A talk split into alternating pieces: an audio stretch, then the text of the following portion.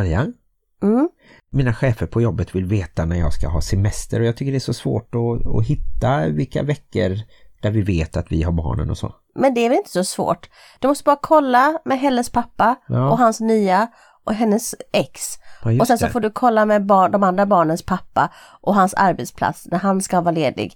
Och sen så kanske du eventuellt också måste kolla med Lisa och eh, hennes ex om eh, Helle och Kevin ska ha några veckor tillsammans.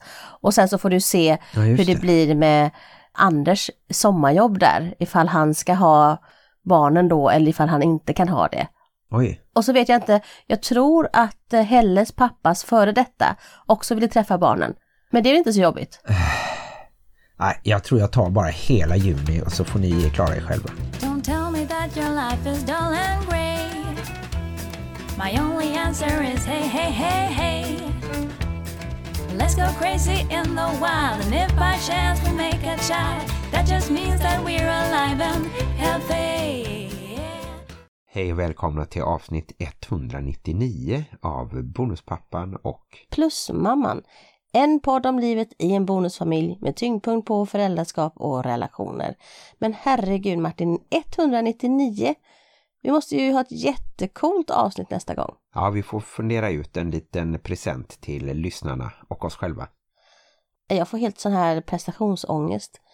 Ungefär som när man fyller 50 eller 40 eller så, då ska det vara så stort. Och så måste man göra en firande.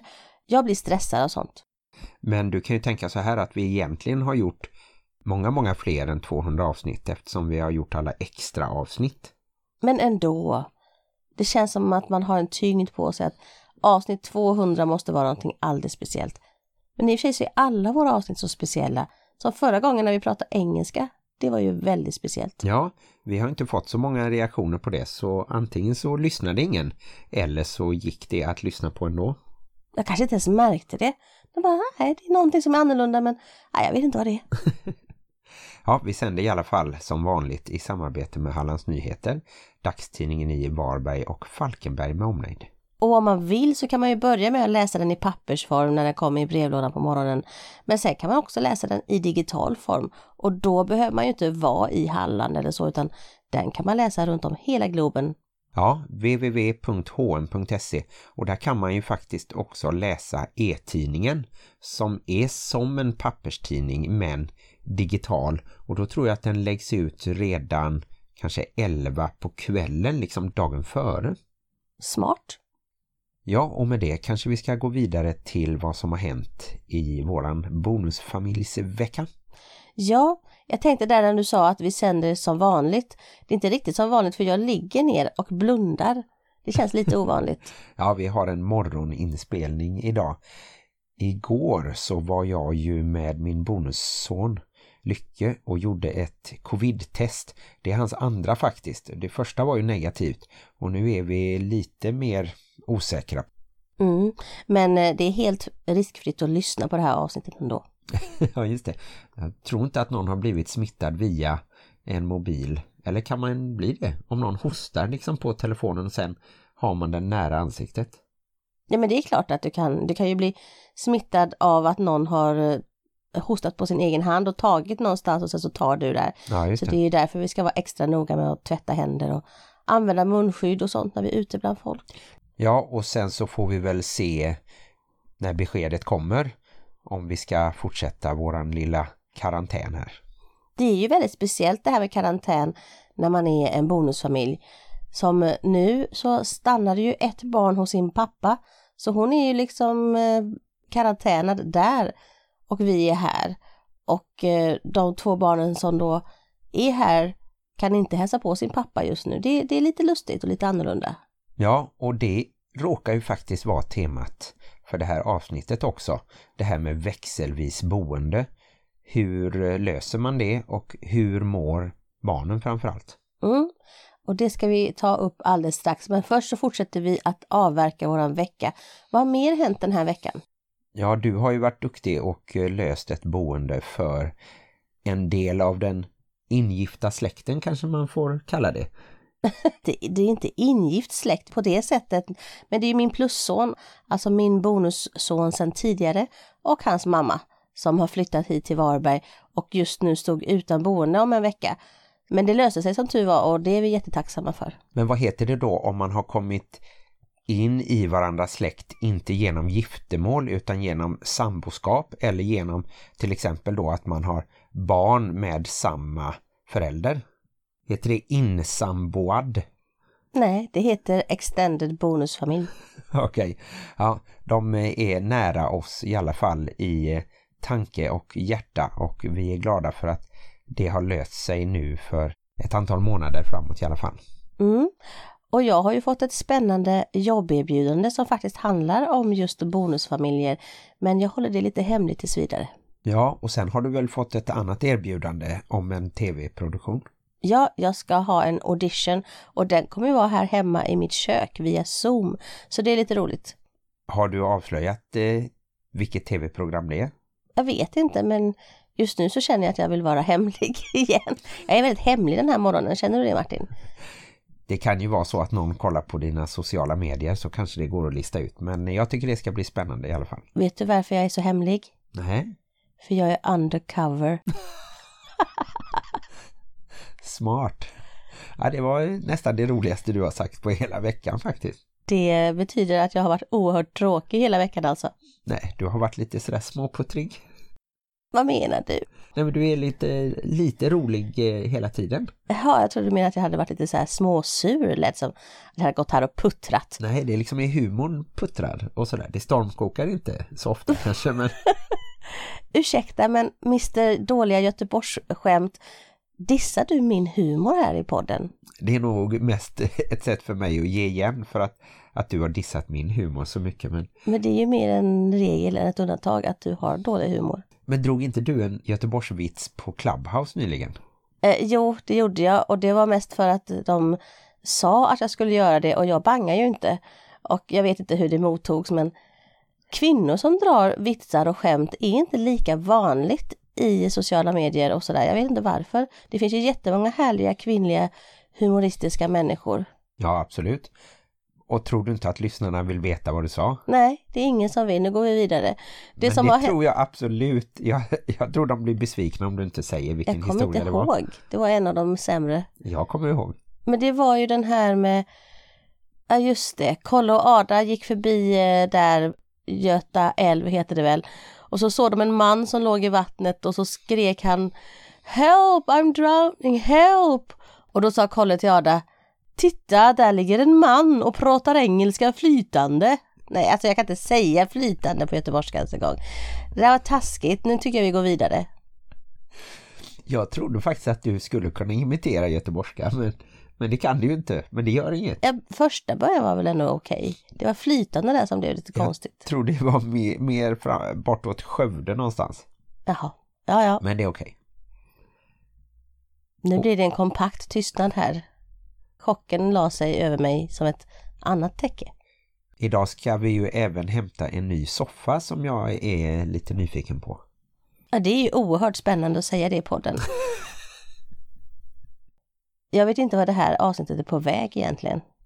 Vi kanske helt enkelt ska gå över till våran diskussion.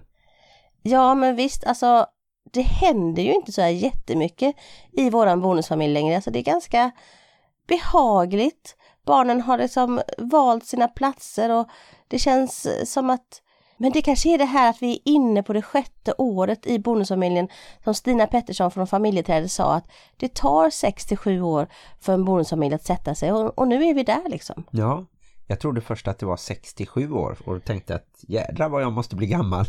Men eh, jag tror också... Du är ju ungefär 67 år. Jag tror att du har rätt faktiskt. Vi är nog på väg mot en slags stabilitet och till slut när allt är jättebra, då flyttar barnen plötsligt. Ja, men så är det. Kanske. Det är därför jag tycker att man ändå ska njuta av den här tiden.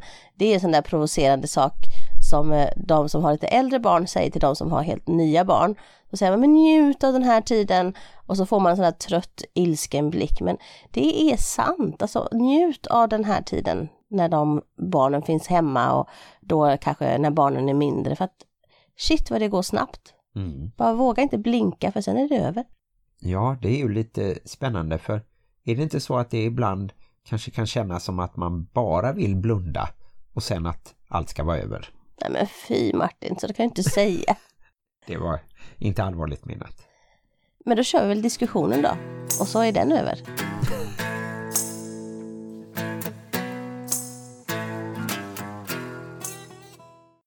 Ja, och innan vi sätter igång så tänkte jag bara säga att tycker ni om att diskutera och prata om det här med bonusfamiljer och nu när ni sitter här och lyssnar på den här podden känner alltså jag skulle vilja säga någonting. Jag skulle vilja prata med Martin och Maria om det här. Då ska ni gå med i Clubhouse, för där har vi bonusfamiljsnack på onsdagar klockan 19 och söndagar klockan 9. Och då kan ni faktiskt prata med oss och kanske säga emot eller tycka någonting annat eller bara bubbla i allmänhet. Så gå in och bli medlemmar. Tyvärr så är det bara de som har iPhone som kan vara med just nu. Men vi får se när de släpper in Android-människorna. Mm. Och det råkar vara så att vi har fått några extra invites. Det är även så att man måste bli inbjuden av en tidigare medlem.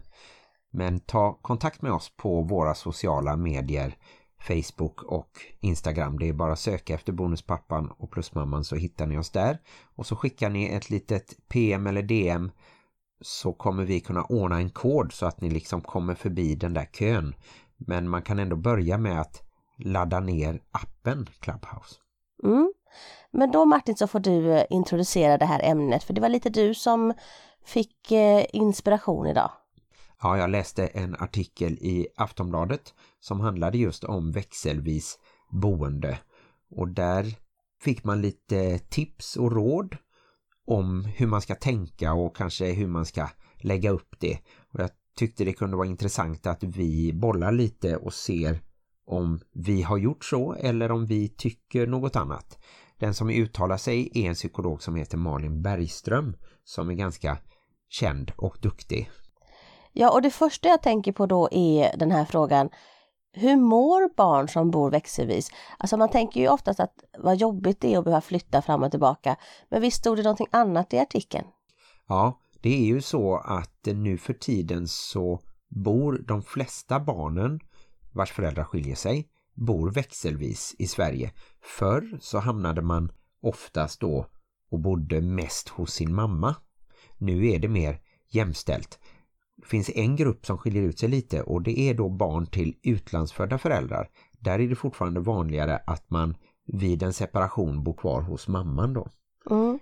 Framförallt kan vi säga att det är väldigt många barn som hamnar i den här situationen. Varje år då 60 000 nya barn. Så om man jämför när vi växte upp på 70-80-talet så tycker jag att det var ganska ovanligt att någon av kompisarna hade skilda föräldrar. Nu är det var fjärde barn faktiskt. Oj, det var mycket. Men på min fråga då hur de mår, vad stod det i artikeln om det? Ja, då mår de barnen bättre som bor växelvis. Det måste ju inte vara just varannan vecka. Men får man träffa båda sina föräldrar så mår man generellt sett bättre. Och det finns ett eh, projekt som har studerat just det här.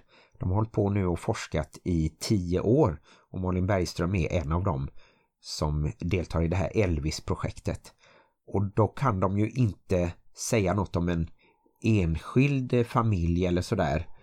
För det kan ju finnas lägen där det faktiskt är bättre kanske att bo hos bara en förälder. Eller där det är omöjligt att flytta fram och tillbaka till exempel för oss då, våran minsting har ju sin biologiska pappa över 50 mil bort.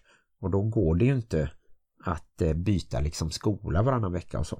Jag blir alltid väldigt så här nyfiken på hur många familjer de har pratat med och hur många barn de har pratat med när de gör sådana här undersökningar eller vad det nu är för undersökningar. Hur många som har ingått i den. Ja just det, det tror jag inte stod i artikeln och jag vet inte det men det måste ju bli statistiskt säkerställt som det kallas. De kan ju inte bara prata med 10 eller 20 barn och sen tänka att ja så är det för alla utan det måste vara tillräckligt många för att man ska kunna dra slutsatser av det. Och sånt är ju väldigt viktigt inom vetenskapen, inom forskningen. Mm. Men vilka faktorer tittar de på då när de har gjort den här undersökningen? Ja just det, med barnen då så har de jämfört med barn som då bor väldigt lite med den ena föräldern. Till exempel om man bara träffar sin mamma eller pappa en helg i månaden kanske.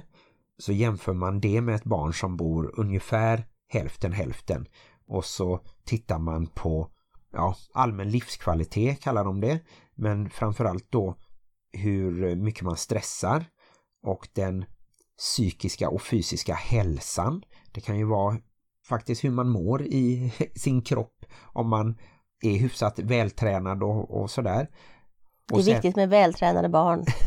ja, men... Jag såg så här små bodybuilders springa Ja, just det. Men den psykiska hälsan är ju kanske ännu viktigare. Men så finns det ju även olika riskbeteenden då som eh, de märker då kanske att det ökar hos de barnen som bara bor hos en förälder. Det kan ju vara olika slags beroende att man kanske äter för mycket socker eller att man är för mycket med sin skärm eller så. Men nu blir jag så här orolig för vi har ju då som du sa ett barn som inte träffar sin pappa lika ofta. Men hur ska man göra då? Om man har ett barn som inte kan bo växelvis, ska man känna då att eh, det här är inte bra och eh, nu kommer mitt barn att må dåligt? Nej, absolut inte. För att jag menar, man har ju olika förutsättningar. Alla bonusfamiljer är olika. Och för oss till exempel så är det omöjligt att ha växelvis boende för alla.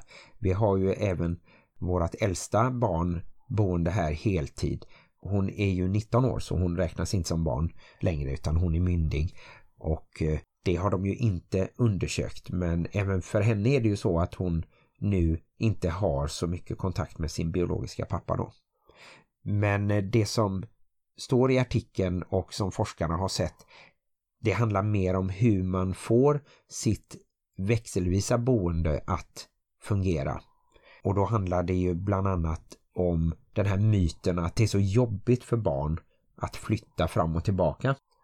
Du menar att det är en myt? Jag tänker att det är ju praktiskt jobbigt att ha sina saker på olika ställen. Det har vi pratat lite om och vi pratar också med två ungdomar som berättar hur det är att flytta fram och tillbaka. Men det är väl då i eh, motsats till att inte flytta överhuvudtaget så är det sämre.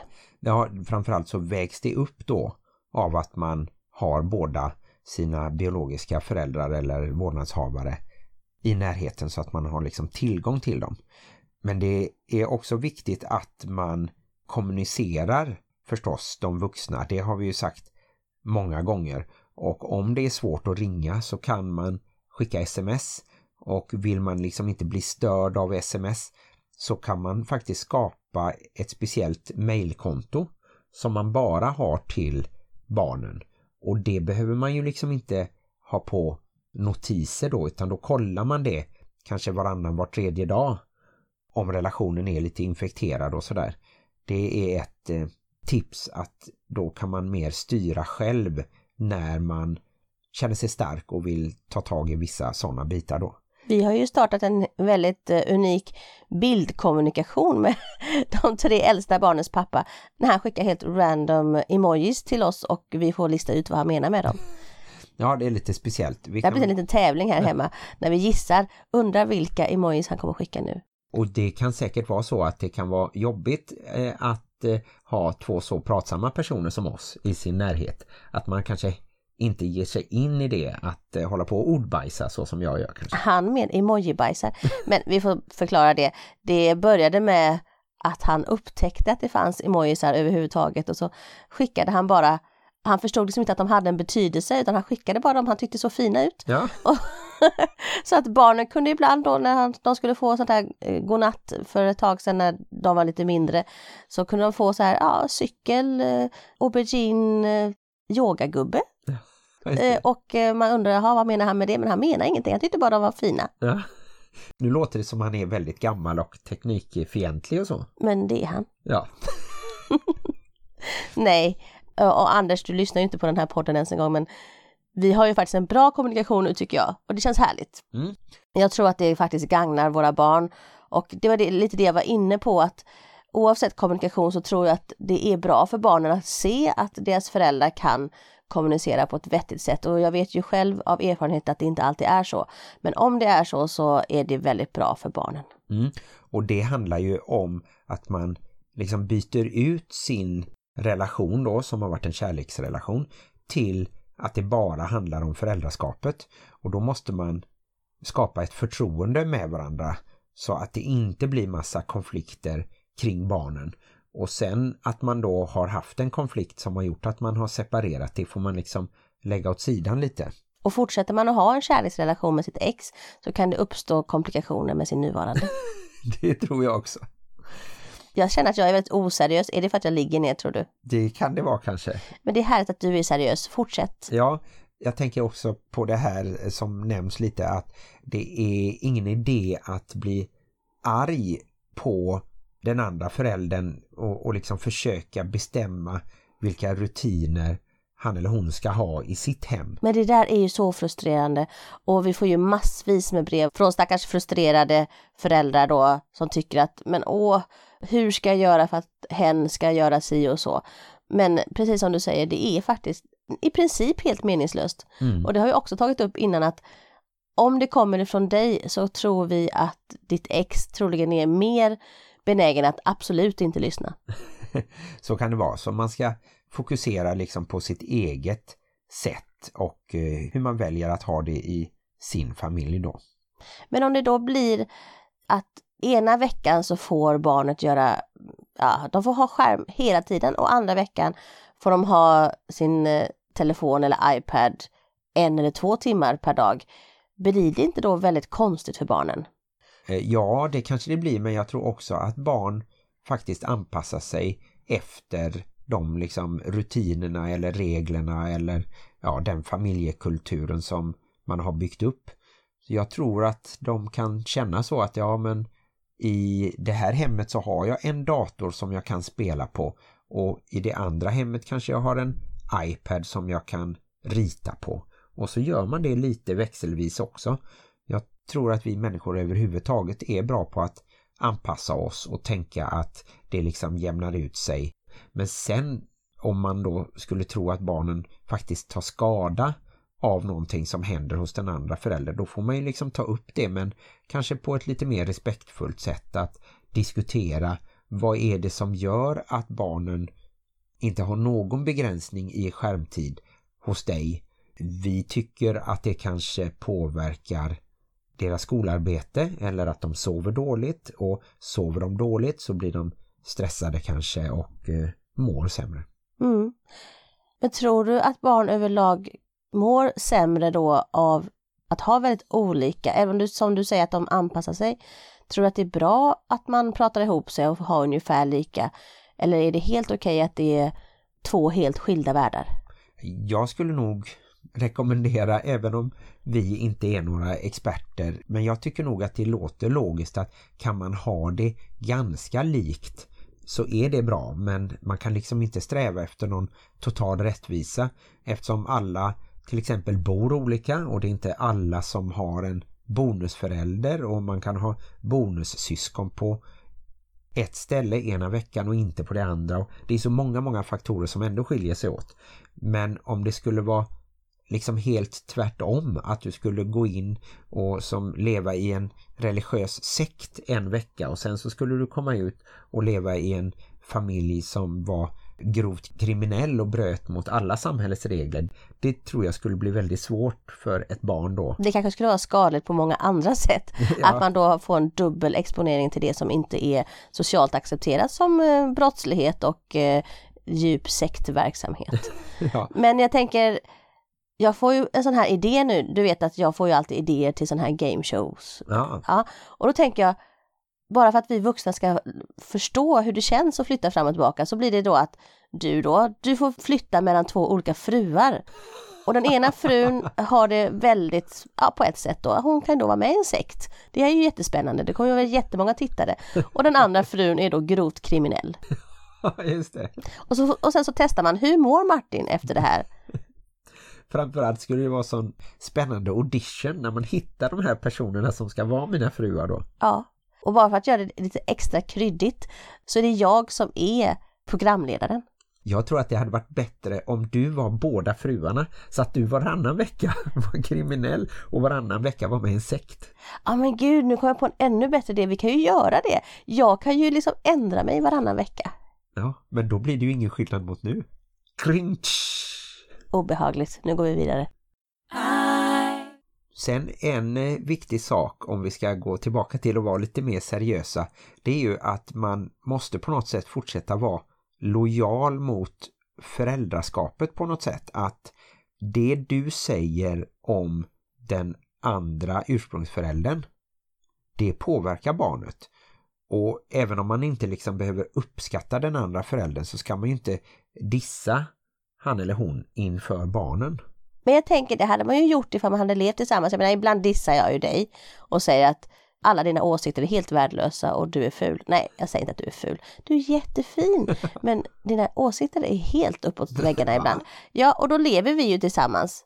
Klarar inte ett barn av att höra att man har en annan åsikt än den andra föräldern? Jo, men jag tror också där att vi människor är så bra på att märka liksom tonfall och blickar och så att barnen vet att du är lite ironisk, att du inte är allvarlig så som om du skulle säga till mig eller tvärtom att ja men den och den pappan har ju verkligen gjort det och det och kritiserat på liksom ett Ja, fast jag var lite sätt. seriös också. Jag menar, även i en relation så är man ju inte alltid överens att när man lever tillsammans och att man kan liksom tjafsa om saker och, och det har vi ju pratat om innan att bråk är ju liksom aldrig riktigt bra men jag tänker tror du inte att ett barn kan klara av och förstår att deras föräldrar då inte riktigt har samma åsikter om saker och ting? Måste man gå omkring och hymla om att man tycker olika? Nej, men det, det tror jag att barn förstår och jag tror att det är bra och till exempel det här med att man då ska separera, att man pratar med barnen om det också, att man är liksom öppen så att de får vara med lite i den processen. Och sen så går man inte in kanske på detaljer som man tycker att de inte kan förstå riktigt. Men det faktum att ja men nu är det så här och även liksom ge dem ett hopp att ja men det kommer vara lite rörigt nu. Nu måste vi flytta och hitta ett boende och så måste vi komma igång med det här med varannan vecka och du kanske inte kommer träffa oss båda hela tiden och det kommer bli lite rörigt men det kommer bli bättre sen. Vi kommer må bättre och då kommer ni barn må bättre också. Mm. Jag tänker att det faktiskt ligger i tiden. Ibland så fick jag i alla fall intrycket, jag växte ju upp på 80-talet och mina föräldrar är ju då som vi har sagt för lite äldre än dina föräldrar. Att föräldrar liksom bara bet ihop. De berättade aldrig hur de mådde eller om de var oroliga eller osäkra. Jag tänker inte att man måste liksom vara ett nervvrak med sina barn hela tiden men jag tänker att barn faktiskt har nytta av att veta att deras föräldrar inte alltid har full koll på allting utan man kan säga att ja men nu är det lite jobbigt eller nu tycker jag att det här känns som du sa då rörigt. Jag i alla fall hade nog upplevt det enklare att hantera min verklighet ifall jag inte hela tiden trodde att mina föräldrar var helt perfekta och felfria. Ja, just det. Det, det tror jag också. Och en sak då för att bli av med det här röriga som är i början, det är att skapa rutiner. Och det kanske låter väldigt tråkigt, men att man kanske då första kvällen när barnen har bytt boende, att man har någonting som man gör då. Till exempel att bara vara hemma, äta någonting, kanske titta på tv eller spela något spel eller så att barnen liksom får landa lite. Inte att man direkt ska hetsa iväg och, och träffa sin egen släkt eller kompisar eller så utan att barnen får akklimatisera sig lite och samma kanske sista dagen innan de ska lämna då om man har byte på morgonen eller så. Står det någonting i artikeln huruvida det är bättre att ha en två veckors period eller att det är bättre att ha en mindre än en vecka period? Nej, och det tror jag att eh, det får väl föräldrarna bedöma och så får man testa sig fram lite. Det kan vara så att framförallt mindre barn kanske har ett behov av att eh, träffa föräldrarna lite oftare så att man gör lite kortare mellanrum och kanske kör tre dagar och sen fyra dagar och, eller ja, olika sådana varianter då. Mm. Och ett tips som jag fick det är ju att låta barnen ha sina minnen, höll jag på att säga, men att man kan kanske låta dem ha ett fotografi av den andra föräldern och inte göra en eh, big deal av det ifall de vill ha ett litet foto av sin mamma eller pappa med sig när de är på det andra stället. I alla fall där i början. Ja, och sen så är det ju nu med tekniken som finns att det är så väldigt lätt att faktiskt ringa upp varandra. Antingen med bild eller bara prata. Och då kanske det också är så i början att eh, barnen vill ringa och säga godnatt och sådär. Det tycker jag att det skulle vara jättekonstigt om man skulle börja förbjuda sånt. Utan barnen har kanske det behovet ett tag. Precis som att små barn känner sig mer trygga att sova ihop med sina föräldrar eller i samma rum. Men sen kommer det naturligt, precis som det har varit här hemma hos oss, att försvinna det behovet. Och då vill barn sova själva istället. Mm. Jag funderar på det här, jag har ju tyckt att när mina barn är hos sina pappor då stör inte jag dem, jag håller inte på och ringer dem. Jag är ju alltid talbar ifall de vill ringa mig och jag kanske skickar ett sms ibland. Men hur tycker du där? Ska man då uppmuntra det här om barnet vill, som du säger, ringa varenda kväll och så? Står det någonting i artikeln om det? Nej, men det kan väl vi prata om ändå. Uppmuntra vet jag inte att eh, det kanske kan skapa en konflikt då om vi säger att en förälder liksom ligger på och skickar massa sms eller ringer och kollar grejer och sådär. Jag tror att det är lättare för barnen att akklimatisera sig om de då får lite lugn och ro hos den andra föräldern. Och är det något speciellt som man behöver bestämma inför nästa vecka då kanske man kan ta det med den andra föräldern. Så att hen får berätta det kanske eller så samlar man ihop lite grejer och så tar man det vid samma tillfälle så det inte blir liksom att man två gånger om dagen ska hålla på och ringa och säga ja men vad gör vi då om tio dagar? Jag tror inte barnen kanske riktigt har den, den framförhållningen ändå att de kan bestämma vilka kläder de ska ha på sig när en kusin fyller år. Det kan man ta dagen innan eller liksom mm. Sen undrar jag också, Så våra barn, de är lite äldre, de har lite mer själva bestämt var de ska bo. Så att det har ju blivit att två av våra barn bor ju i princip heltid här, förutom ja, tre egentligen då om vi ska räkna med våra minsting. Men ska man då pusha dem då till att nej men jag tycker att du ska bo varannan vecka eller ska man bara låta dem bo som de vill? Har du någon åsikt om det eller stod det någonting i artikeln?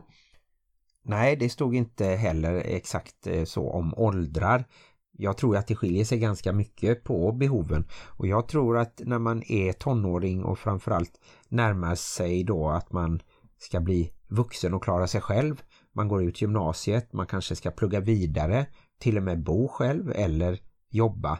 Då behövs det en slags frigörelseprocess. Och då kan det ju vara så att bor man hos den ena föräldern så frigör man sig hos den andra. Och sen så kan det bli tvärtom att man kanske flyttar och bor en längre period där då. Och jag tycker det skulle vara konstigt att, att bestämma det och säga att ja, men nu måste du ringa din eh, mamma eller pappa eller nu måste du åka hem dit och hälsa på och sådär. Och lite så när det gäller då mig som bonusförälder för jag påverkas ju också av det här. Då har jag tänkt att jag måste se det som att den som betalar mest för barnen vinner. du sa det helt utan att blinka. Ja, och det, just nu så kanske det är jag som gör det. Och då jag, känner, får jag känna mig som en vinnare att jag betyder väldigt mycket för barnen just Nej, nu. det är dina pengar som betyder mycket för barnen just nu. Ja, alltså förlåt våra kära lyssnare ifall vi är lite flummiga idag. Men om vi ska gå tillbaka då till att vara seriösa, vilket vi aldrig riktigt är kanske, så tänker jag att om den här artikeln då att de sa att barn som inte bor växelvis mår sämre då än de som gör det. Och det var det jag menade, ska man tvinga sina barn att bo växelvis om de nu själva då som i vårt fall väljer att bo mer hos den andra föräldern? Nej, det är också svårt tror jag, men säg att du har en åttaåring som plötsligt säger att eh, den inte vill bo hos mamman eller pappan. Då får man ju faktiskt prata om det lite. För jag tror att det, det normala är att man vill träffa båda sina föräldrar. Men om det är så att det i en familj finns mycket konflikter om eh, mamman eller pappan bråkar mycket med det barnet eller ett annat barn eller med sin nya partner eller att barnet känner sig liksom otrygg med en bonusförälder då måste man ju prata om det och liksom fixa den situationen på något sätt. Och det är ju jättesvårt men jag tror att det barnet som bara vill bo hos en förälder då kanske det har hänt någonting ändå så att man kan ja, försöka få upp det till ytan. Men hur långt ska man hårdra det till? Vi fick ju meddelande från en förälder som sa att hon blev uppmanad att faktiskt göra slut med sin nya partner eftersom hennes barn mådde så dåligt hemma hos dem. Ja, det tycker jag verkar jättekonstigt. Jag minns inte exakt det och jag tycker det kan vara svårt att ge råd liksom till enskilda personer och så. Där får vi nog hänvisa till att, eh, att man får ha samtal. Och det finns ju möjlighet att få sådana samtal via kommunen och då kostar det inte så mycket heller jämfört med kanske om man skulle gå till en eh, privat mottagning. Mm. Bra tips. Jag har hört att parterapi även efter man har separerat också kan vara en grej. Vad hade du tyckt ifall jag gick i parterapi med min före detta partner? Jag tror kanske inte att det behövs men skulle du vilja det så skulle jag nog uppmuntra det. Om du märkte att du mådde dåligt och tänkte att du skulle må bättre av det. Ja, du är ju världens finaste. Ja, men det tycker jag är bara är logiskt. Men jag vill ta upp en sista grej här från artikeln som jag tyckte var lite intressant. Och det är det här då vad ett växelvis boende inte är. Men man kan ju tänka så att ja men vi vet vad det är eller hur det ska vara när det funkar. Och Men- vet vi hur det uttalas? En del säger ju växelvist boende och en del säger växelvis boende. Ja, då tror jag att de som säger med T har fel. Att Ja, det bara tror ska- jag med. Och jag tror att jag var en av dem Jaha. en gång i tiden. Och jag hörde faktiskt på radio nyligen någon som sa öppenhjärtlig med Mhm. L då. Men det heter öppenhjärtig och det är många som säger fel. Men det heter ju hjärtlig. Att, ja, men hjärtligt välkommen säger man ju, Ja, inte det- hjärtigt välkommen. Nej, det är det som är det luriga. Svenska språket är oerhört klurigt Det och är det. lurigt. Och ett växelvis boende är inte till för att avlasta en förälder varannan vecka eller liksom båda föräldrarna. Nej, Men det är ju lite därför som vi inte säger att vi är barnlediga utan vi säger att vi är barnlösa. Ja, det tycker jag ändå är, finns en poäng med det. Och ett växelvis boende är inte heller ett sätt att skapa en slags rättvisa mellan vårdnadshavarna. Att de då till exempel betalar lika mycket eller att de tar lika mycket ansvar. Men det är ju inte det som ett växelvis boende handlar om. Nej, och inte heller att föräldrarna då ska ha exakt lika mycket tid med barnen. Mm. Inte den sortens rättvisa heller. Nej. Sen är det här varannan vecka-livet inte ett beslut som bara föräldrarna ska ta. Utan man måste involvera barnen. Mm. Men det måste ju också bero lite på ålder. Ja, det är klart. Har du riktigt små barn så får man ju i allting försöka tänka på deras bästa. En sista sak jag tänkte på då när du sa det, när barnen är små och eh, kanske gråter, alltså hjärtskärande när de ska lämna den ena föräldern. Hur ska man tänka då som mamma eller pappa? Ja, det tror jag är jättejobbigt, jättesvårt om någon skulle till exempel då längta till den andra föräldern. Men jag tror att man får ju försöka bara öppna sin famn och eh, rent fysiskt eh, trösta barnen. Jag tror att sånt går över och det är samma som första gångerna man kanske reser iväg utan sina föräldrar. Det minns jag när jag var liten. När du var 20? Första gångerna jag var på badmintonläger en vecka i Fredrikshamn i Danmark så hade jag jättehemlängtan. Och på den tiden enda sättet att ringa hem var ju att hitta en telefonautomat och så lägga i liksom danska enkronor. Och då var jag väl, jag började spela badminton när jag skulle fylla 11 år så att det var väl någonstans där, det var en lite känslig period. Ja, och jag tänker att det gäller att stötta och eh, kanske då inte gå in i det, alltså försöka ändå vara vuxen. Att man kan uttrycka att jag älskar dig och saknar dig men jag vet att du har det bra hos den andra föräldern och jag finns här och vi kan höras då på kanske telefon och så. Men att jag tänker att det kan vara lätt att gå in i barnens känsla och kanske till och med spela på den att men titta hon saknar mig, hon vill hellre vara hos mig eller han. Och att det är lätt att på något sätt kanske blåsa upp sin egen betydelse i barnets liv och glömma bort att barnet då faktiskt, oavsett vad man själv tycker, så har barnet ett behov av sin andra förälder. Ja, och märker man att det ofta, liksom varje vecka efter tre dagar kommer en svacka där barnet vill träffa den andra föräldern, då får man väl testa att Köpa glass. byta lite. Så att eh, man kanske testar tre dagar eller något sånt där i taget och att man byter lite oftare helt enkelt. Mm. Nej, det är inte lätt, men det är ändå skönt på något sätt tycker jag som separerad förälder att ändå höra och läsa den här artikeln att barn inte mår så dåligt av just det växelvisa boendet så länge man kan upprätthålla en relation med båda föräldrarna så mår barnen ändå bra. Ja, och det är lite så som vi tänker ju att eh, vi ska aldrig liksom förbjuda kontakten mellan barnen och alla föräldrar och även bonusföräldrar där det finns. Men sen så kan vi inte ta över ansvaret och liksom tvinga något barn att höra av sig. För då blir det ju också fel. Utan det behöver ju komma naturligt på något sätt. Mm. Och det sista jag vill skicka med var ju när vi pratade med en kvinna, en vuxen kvinna som faktiskt berättade att hon en gång då i sin barndom valde att bo mer hos sin mamma och inte hos sin pappa och att hon nu i vuxen ålder känner att hon har fått återuppta sin relation med sin pappa och hon, att hon faktiskt ångrar att hon inte bodde växelvis. Så det kan ju vara en sån sak att ta med sig att ett barn kanske inte riktigt kan ta det beslutet när de är små huruvida de ska eller inte ska träffa sina föräldrar. Och även om man som du sa ska ha med barnen i diskussionen kring hur de ska bo så kanske man i alla fall i vissa åldrar får vara förälder och säga att nu är det så här och vi, din pappa och jag, eller i annat fall din mamma och jag, vi har kommit överens om att vi tycker att du ska bo så här. Ja, och det tänker jag också spiller över lite på det här med bonusföräldrar. Så som jag ser det att det viktiga är inte liksom den biologiska kopplingen utan det är ju närvaron. Och jag minns just hon som sa det att hon hade ju en liksom sämre och annorlunda relation till sin pappa som vuxen eftersom hon inte hade bott med honom. Och då lär man ju inte känna den föräldern.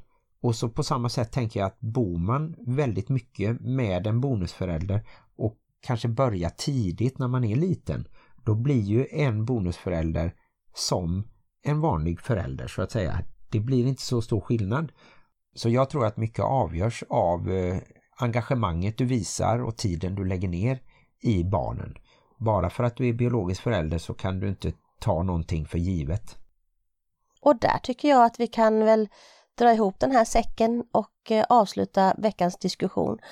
Och eh, vill ni eh, ha mer diskussion så rekommenderar vi ju Bonusfamiljernas diskussionsgrupp på Facebook. Eller som vi sa innan, den mer interaktiva live-versionen av diskussioner på Clubhouse.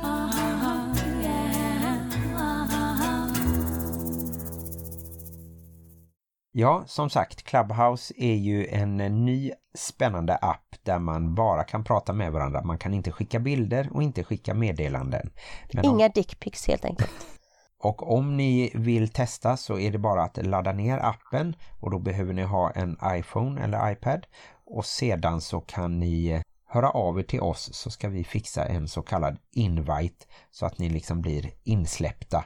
Och när ni väl är där så kan ni söka upp klubben Bonusfamiljer som öppnar lite olika rum bland annat på onsdag klockan 19 har vi en gäst i vårt bonusfamiljssnack och på söndag klockan 9 på morgonen så är det också bonusfamiljsnack. Och då är det som att lyssna på vår podd men samtidigt kan man få vara med och prata. Det är lite coolt. Ja men det är uppskattat och det har varit eh, bra diskussioner med intressanta personer där. Nu senast hade vi ju juristen Linda Ljunggren Syding som också har varit med i podden tidigare.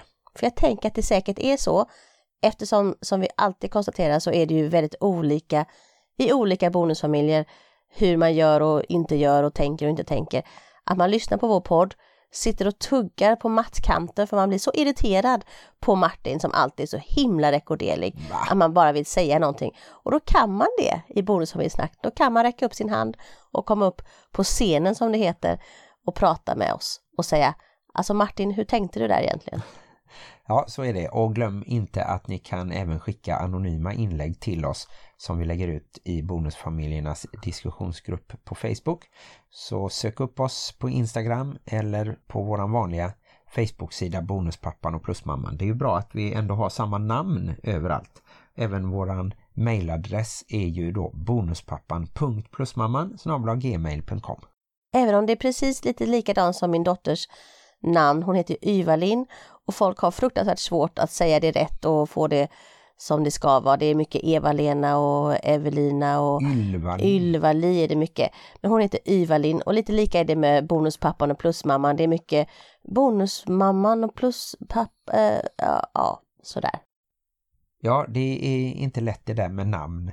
Och eh, vi har ju till exempel fyra efternamn i vår familj. Det är Mm. lite spännande. Men innan jag, jag tänkte bara, om du skulle få döpa den här podden igen idag, fyra år senare, vad skulle du ha döpt den till då? Skulle det bli samma eller skulle du sagt någonting annat, kortare, snärtigare? Det var ju då att det fanns Bonusfamiljen-podden som eh, och den var ju lite kopplad till tv-serien Bonusfamiljen.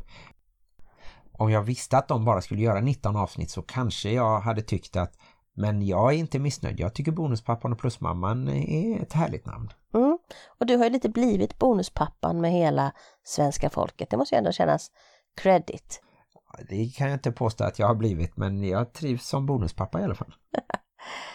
Ja, kära älskade bonuspappa man, vad ska vi göra nu? Nu ska vi säga, glöm inte att livet i bonusfamiljen kan vara besvärligt. Men också härligt. Hej då! Hej då! Jag måste resa mig upp nu. Hur var det att spela in liggande? Ja, alltså, jag, jag undrar hur det låter bara, om det, om det låter lite som att jag är inne in i en burk eller kanske lite mufflad som det kan heta. Heter det mufflad? Muffled. Eller Ja. det kanske inte heter det, det kanske är ännu ett ord som jag har hittat på. Det tror jag.